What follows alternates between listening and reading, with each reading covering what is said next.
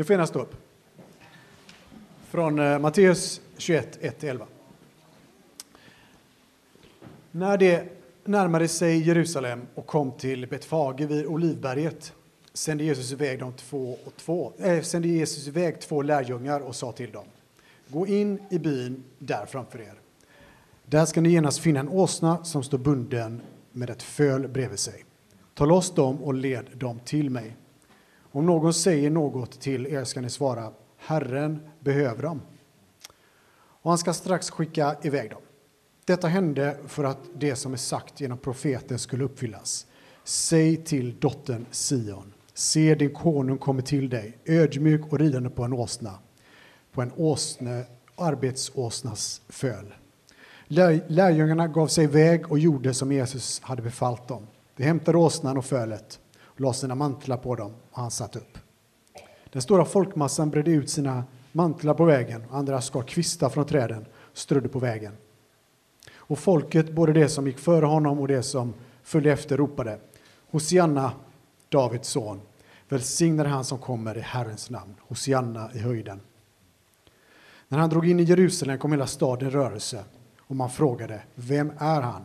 Folket svarade det är profeten Jesus från Nasaret i Galileen. Ni kan sätta er ner. Så gott, så gott att få fira advent med er. Eh, jag, är, jag, uppskattar advent väldigt, väldigt mycket. Jag tror nästan jag gillar advent mer än jul i en viss bemärkelse. Det är lite konstigt kanske. Eh, men jag ska förklara lite varför. Men låt oss bara än en gång bara kort, kort bara stilla oss inför Gud. Herre, vi ber att du ska välsigna den här gudstjänsten. Herre, vi ber att, att allt som kommer från dig ska få Ge liv och allt annat som inte från dig ska få rinna av, Herre. Vi ber att du hjälper oss att höra väl, ta emot väl, tänka väl, fundera väl, Herre. Ehm, mm, herre, vi ber att allt vad vi gör, allt från hörande till talande ska få göras med dig, Herre. I Jesu namn. Amen. Amen. Har ni funderat någon gång varför kyrkor nästan över hela världen, i alla fall eh, i, i, i en, eh, en stor del av kristenheten, på första advent lyfter upp den här texten vi har hört. Berättelsen om när Jesus rider in på en åsna. Och märkligt nog är det en text som kristna brukar predika två gånger varje år. Eh, för man brukar predika den en vecka innan påsk. Och där är det väldigt logiskt för att eh, själva händelsen inleder veckan, eh, den vecka där Jesus själv kommer dö. Så varje påsk brukar man en vecka innan lyfta upp den här texten för Jesus rider in i Jerusalem och det leder till att han dör på ett kors. Det är lite logiskt. Men varför, några veckor innan jul, lyfter vi upp denna berättelse igen. Jag tror många tänker att advent primärt handlar om att vänta. Man, vi inväntar julen. Jag skulle säga det, det är halvt rätt. Det, det, det finns absolut sanning i det. Men det handlar om någonting så mycket mer. Ordet advent kommer från latin och betyder ankomst. Och eh, alla de här veckorna eh, inför jul så berättar man berättelser om olika typer av ankomster som Jesus gör. Ankomsten in i Jerusalem, eh, det är ofta fokus också på Jesu återkomst och så vidare. Allt för att förbereda på ett sätt berättelsen som vi firar på jul, berättelsen om Jesu första ankomst. Men rent historiskt så har kristna inte gjort detta bara som en intressant historielektion. Inte bara för att bara minnas en händelse, även om det är viktigt, utan man har gjort det, man har alltid blickat bakåt som ett tecken på att vår Herre ska komma igen. Alla berättelser om ankomster ankomsten i, i, i Betlehem, ankomsten i Jerusalem har fungerat snarare som ett tecken för oss att minnas att vår kung kommer rida in igen, att vår kung är på väg. Så advent har alltid handlat om att vi, vi, vi minns för vi blickar framåt. Vi minns för vi vet att han kommer igen. Vi kollar på alla Jesu ankomster för han, den största ankomsten, inväntar. Och därför vill jag att vi ska ha det här lite i bakhuvudet när vi funderar på den här berättelsen. Att vi ser den här berättelsen som ett, som ett tecken på en kung som rider in, att en dag ska vår kung göra det igen. Det här är en berättelse som inte bara försöker få oss minnas saker, den är en berättelse som får oss att vilja längta efter saker också. Texten vi har hört är en berättelse som försöker berätta lite tydligare för oss vem Jesus är. Så vers 10 så ställer folk frågor, i slutet av texten som Pierre läste, så ställer folk frågor, vem är han? Och i vers 11 får man ett ofullständigt svar. Det är ett svar som inte är fel, men det är ofullständigt.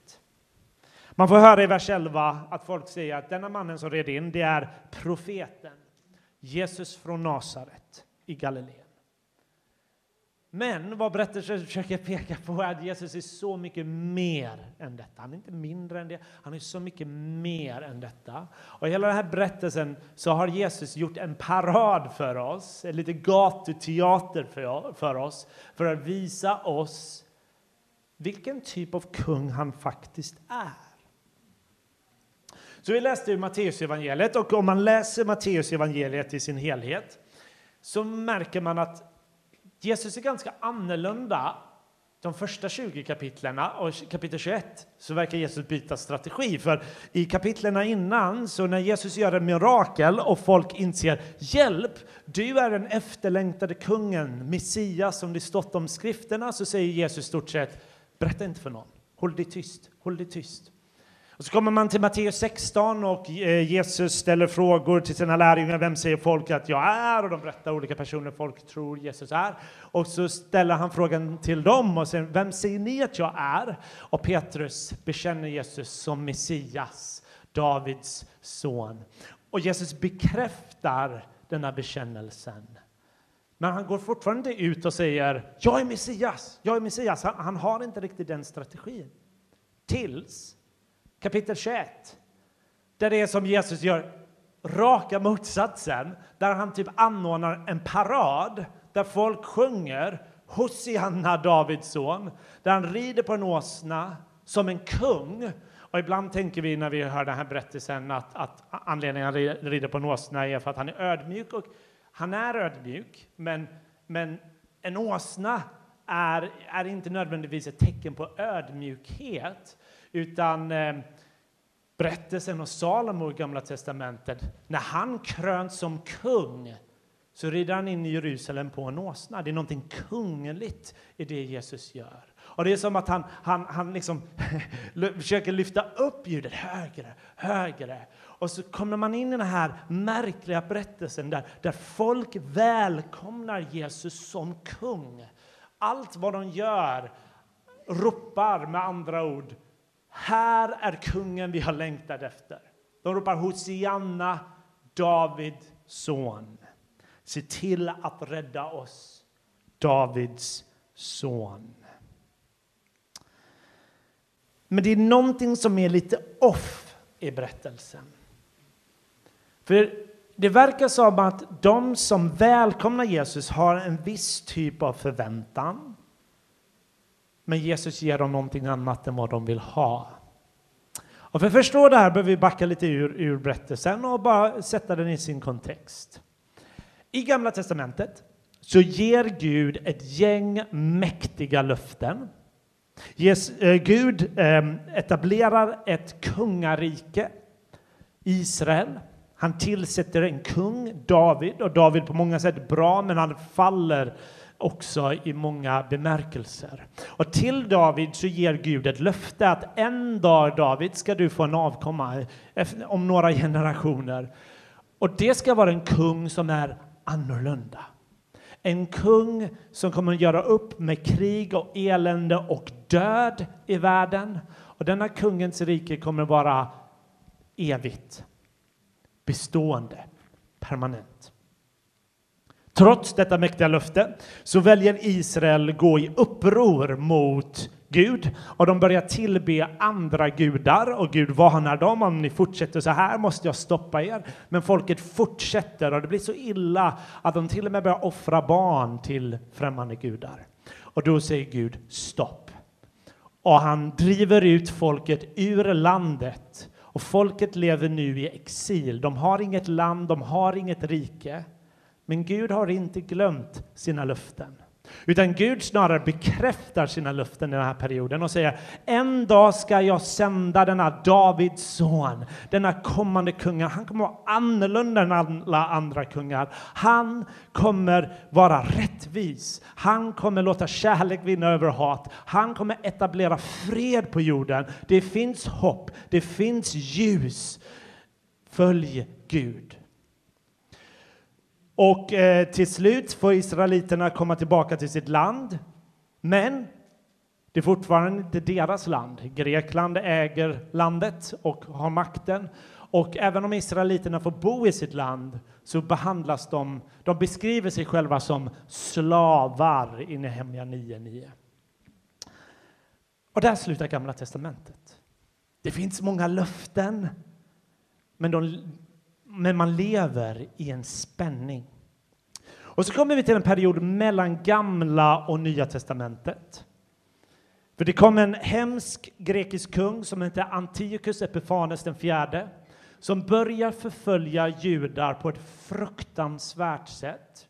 Och judarna eh, börjar med uppror.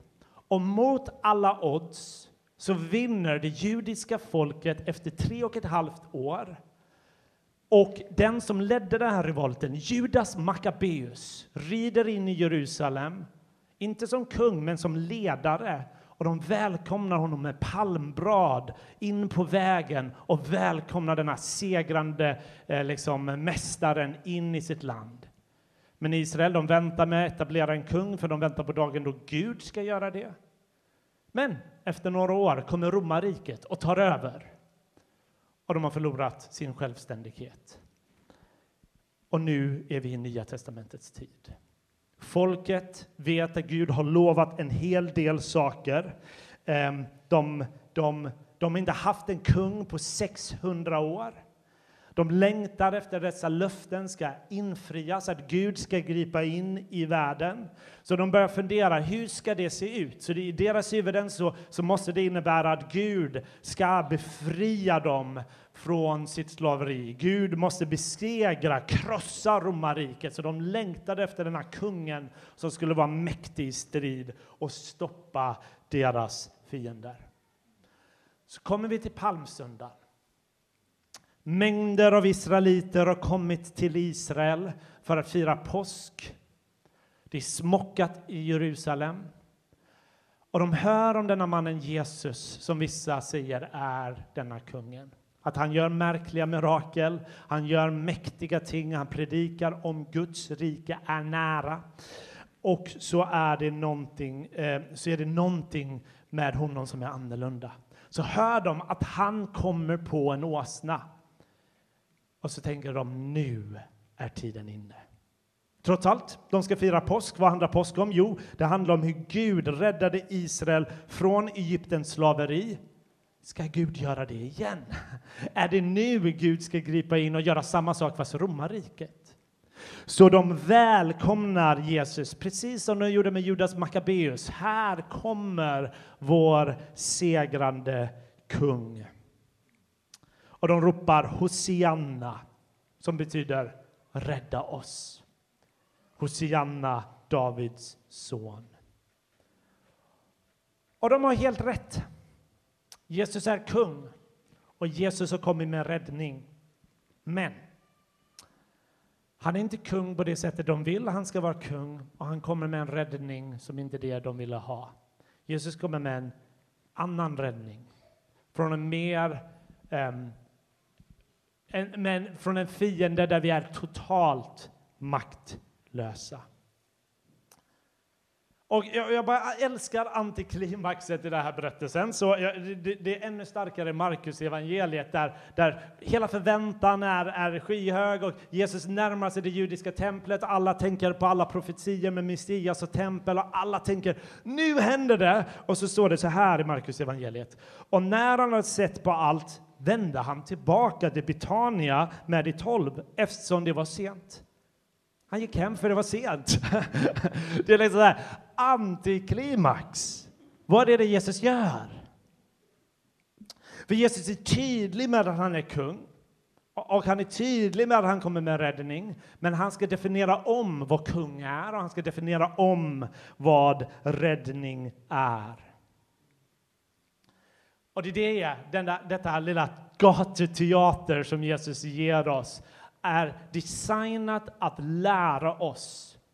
Den är designad för att visa oss vilken typ av kung vi tjänar. För vad Jesus gör är att han egentligen eh, finns inget bra svenskt ord för reenactar. en reenactment. Han försöker på ett sätt förkroppsliga, ut, leva ut en gammaltestamentlig profetia. För 500, 500 år innan Jesus så profeterar Sakaria så här i Sakaria kapitel 9. Fröjda dig storligen, du Sions dotter. Höj jubelrop, du Jerusalems dotter. Se, din konung kommer till dig. Rättfärdig och segerrik är han. Han kommer ödmjuk, ridande på en åsna, på en åsninnans föl. Jag ska utrota vagnar ur Efraim och hästar ur Jerusalem. Stridens bågar skall utrotas och han ska tala frid till hela folken. Vad är det denna texten säger? Jo, denna kommande kungen ska etablera sitt rike på ett annorlunda sätt. Han kommer krossa alla vapen. Det är ett sätt att säga att det här kungen kommer etablera fred. Han kommer göra upp med krigsvapen som har delat människor. Och sättet han etablerar sitt rike är inte med pansarvagnar, med soldater, med arméer. Det är därför han inte kommer med en häst som är mer djur, Utan det han gör är att han kommer på en åsna. Han är en annorlunda kung.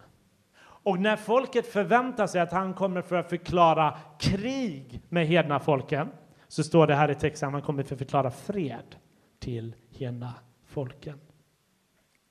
Och vad Jesus gör när han rider in i Jerusalems portar är att han rider in till sin garanterade död. För han har levt det liv vi inte kunnat leva, han ska dö den död vi inte kan dö. Jesus har kommit för att rädda oss från vad vi verkligen behöver räddning från. Jesus har kommit för att ge liv där vi verkligen behöver liv. Så vad är det Jesus egentligen gör? Jo, på många sätt så kommer han faktiskt aktivt och förstör och krossar människors drömmar och visioner här vad han gör. Alltså folk hade en dröm om den här politiska revolutionen. Det var deras längtan att Gud skulle gripa in mäktigt och stoppa romarriket. Deras identitet byggde på det här. Det här var deras dröm. Och Jesus ger dem det inte. På ett sätt så krossar han deras drömmar här. Han ger dem inte den politiska friheten de vill ha. Han ger inte den politiska revolutionen. På ett sätt så, så ger han inte vad de vill ha, men i en annan bemärkelse ger han vad de egentligen längtar efter. För de ropar efter Herre, rädda oss. Och han kommer med räddning. Jag tror att vår Herre fungerar så att ibland så tror vi att vi vet vad vi vill ha, så vi ber om exakt det här, medan Gud ser vad vi egentligen är det vi behöver och längtar efter, men vi kan inte riktigt artikulera det. Vi tror det är här, det är det här vi vill ha, men Gud ger oss det här som besvarar på den djupare liksom, längtan efter nöd och räddning som vi verkligen behöver. Och därmed, så vad Jesus gör är att han avslöjar oss vad vi verkligen behöver räddning från. I evangelierna så visar det sig att Jesus har kommit för att besegra en större fiende än romarriket. Han har kommit för, för att besegra den största glädjeboven i våra liv. Både vår synd och döden i världen. Det som verkligen snor vår glädje i våra liv utan vi förstår det har Jesus kommit för att göra upp med. Så är Jesus i eh, uppfylla drömmar-branschen. Jag tror att drömma drömmar kan vara bra, att längta efter saker, verkligen. Jag tror Gud kan ge oss drömmar och det kan vara gott att, att använda de gåvor som Gud har gett oss, att vilja skapa saker. Det är inte fel att drömma saker. Men vissa av våra drömmar, vissa saker vi så längtade efter, är så märkta av denna världen så den behöver ibland förvandlas om, transformeras och ibland bara dö och försvinna. Och varje gång Jesus utmanar våra drömmar är det aldrig för att sno vår glädje. Det är för att han tycker vi har för dålig fantasi. För i Bibeln ser vi en Gud som drömmer de bästa drömmarna. Vi ser en Gud som har större visioner för oss och för kyrkan och för den här världen. Ta till exempel när han talar till Abraham, en gammal, gammal pensionär, och han säger Abraham, du som inte har några barn, du ska bli en fader till ett mäktigt folk. Abraham tycker Gud är helt galen. Han har inte riktigt kategorierna, han tänker inte som Gud, så han tycker det här, det här är omöjligt. Men Guds vision, Guds dröm är annorlunda. Ännu mer evangeliet de goda nyheterna. Ingen bad Gud. Gud, jag tycker du ska bli människa. Jag tycker du ska ta dig an med kött och blod och ta mitt straff och dö för mig. Ingen bad den bönen. De goda nyheterna är helt Guds initiativ, helt Guds dröm, helt Guds vision för den här världen, helt och hållet Guds plan för att ge oss en större glädje än vad vi kan drömma om på egen hand. Visst, vi kan drömma saker om vi bjuder in Gud. Gud, vi vill bjuda in dig att det får bli präglat av ditt rike. Men vi måste få bjuda in Gud in i våra liv, för han kommer alltid ge oss större glädje och inte mindre. Och det han har gjort genom att han gick på sitt initiativ är att han har besegrat det vi är så maktlösa att besegra. Döden, mörkret, synden i världen. Så om det här är sant på riktigt, det jag har talat om. Vi hör det så ofta, men hur fantastiskt är det inte? Att Gud valde det här på eget initiativ. Att det var inte vi som försökte tvinga Gud. Gud kom till jorden och räddade oss. Gör det här, dö i vårt ställe. Att Gud själv designade planen, gick in i mörkaste mörkret. Det betyder att han älskar oss. Han älskar oss på en nivå vi inte kan greppa. Han går så djupt in i mörkret för att låta mörkret göra sitt värsta, för att besegra mörkret, för att vår framtid ska vara så ljus, så ljus, för vi tillhör honom. Behöver inte vår världarna detta budskap? Världen är väldigt mörk just nu. Den behöver goda nyheter. Vilken nåd att vi har det. Vilken nåd att vi har det. Att vi tror på han som har kommit för att göra upp med mörkret och döden och synden för att en gång komma tillbaka i härlighet och klä oss i samma härlighet. Det här är de goda nyheterna. Döden ska inte finnas mer och ingen sorg och ingen gråt och ingen plåga för det som förr var är borta. Och det är en tröst. Jag, jag var i, i Skåne och hälsade på min morfar som eh, eh, dog här i, i natt och det var ganska väntat. Eh, men det finns en sån eh, tacksamhet i att veta att, att jag blir påmind av, av Jesus första, hans andra ankomst. Att på grund av Jesus drömde drömmarna och levde ut det så har min morfar fått gå in i livet med stort L. Och han är mer levande än någonsin inför tronen, inför Gud. Och en dag ska han kläs i härlighet när vår Herre kommer tillbaka. Advent bjuder in oss till att minnas. Världen är bruten, världen har mörker i sig. Men för att Jesus kom för 2000 år sedan, att han föddes, att han red in i Jerusalems portar är ett löfte och en garant att vår framtid är ljus. Att framtiden tillhör inte mörkret, den tillhör Herren, kungen som har besegrat mörkret. Han som all mörker flyr ifrån. Och det är viktigt, för jag tror att vanligtvis när vi bara läser nyheterna vi tänker intuitivt att världen kommer bara att rulla på som den gör. Vi förväntar oss inte att Gud dramatiskt kommer bryta upp med den här världen och göra allting nytt. Men advent är fyra fantastiska veckor som är i en protest mot sådant tänkande där vi påminns och lär oss att minnas för att också längta efter att vår Gud är på gång. Och det är bara en tidsfråga.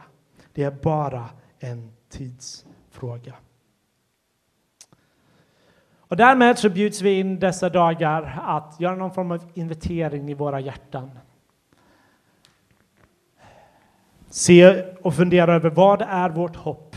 Vad är vår dröm? Vad är vår längtan? Och så bjuds vi in till att minnas att Gud har den bästa drömmen för våra liv, det bästa hoppet för våra liv. Och vi bjuds in att rikta om våra, våra hjärtan på nytt, rekalibrera våra hjärtan på nytt så vi får mer och mer leva i linje med det här hoppet. Och därför, låt oss bara idag upphöja kung Jesus i våra hjärtan. Han är kung. Jesus är kung och inga andra. Han är kung, han är mörkrets besegrare, han är fridsförsten, han är ljusets prins, han är Immanuel, Gud med oss, han är ödmjukhetens konung, han är vår Herre, han är vår frälsare, han är vår vän och han är ödmjuk och mild i hjärtat. Och trots att han är upphöjd över allt så är han den mest tillgängliga personen i universum. Han är mitt ibland oss, ödmjuk och mild och upphöjd. Det är ingen motsägelse när det kommer till honom. Låt oss bara ta en stund inför Gud i tystnad och bara välkomna kung Jesus i våra hjärtan, i våra tankar och be Gud att bereda en väg denna advent för hans liv för hans ljus, för hans hopp. Och låta det få prägla oss. Låt oss ta en tyst stund.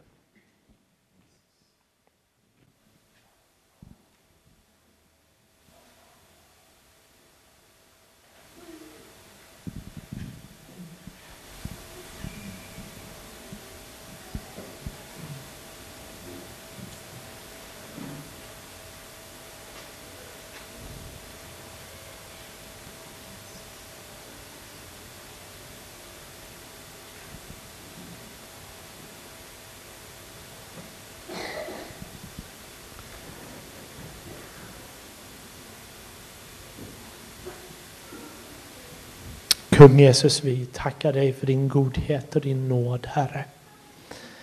Herre, vi kan inte... Vi hade inte kunnat lista ut vem du var utan att du visade det. För du är så oväntad, men så god. I all evighet kommer vi inte kunna förstå fullheten av de goda nyheterna. Fullheten av vad du har gjort för oss. Men Herre, vi ber att du avslöjar alla lögner som, som eh, vill inte tro att vi är djupt älskade och sedda av dig. Herre, vi ber istället att du ska uppenbara din kärlek för oss. Herre, det finns inget mer värt än dig. Det finns inget mer värt att ge sitt liv för än dig, Herre. Herre, vi ger vår bröstenhet, vår oro, våra rädslor, våra tvivel till dig. Och vi ber, låt ditt ljus få lysa över dem och väcka liv. Herre, hjälp oss att förstå att vi älskar älskade så att vi kan älska andra.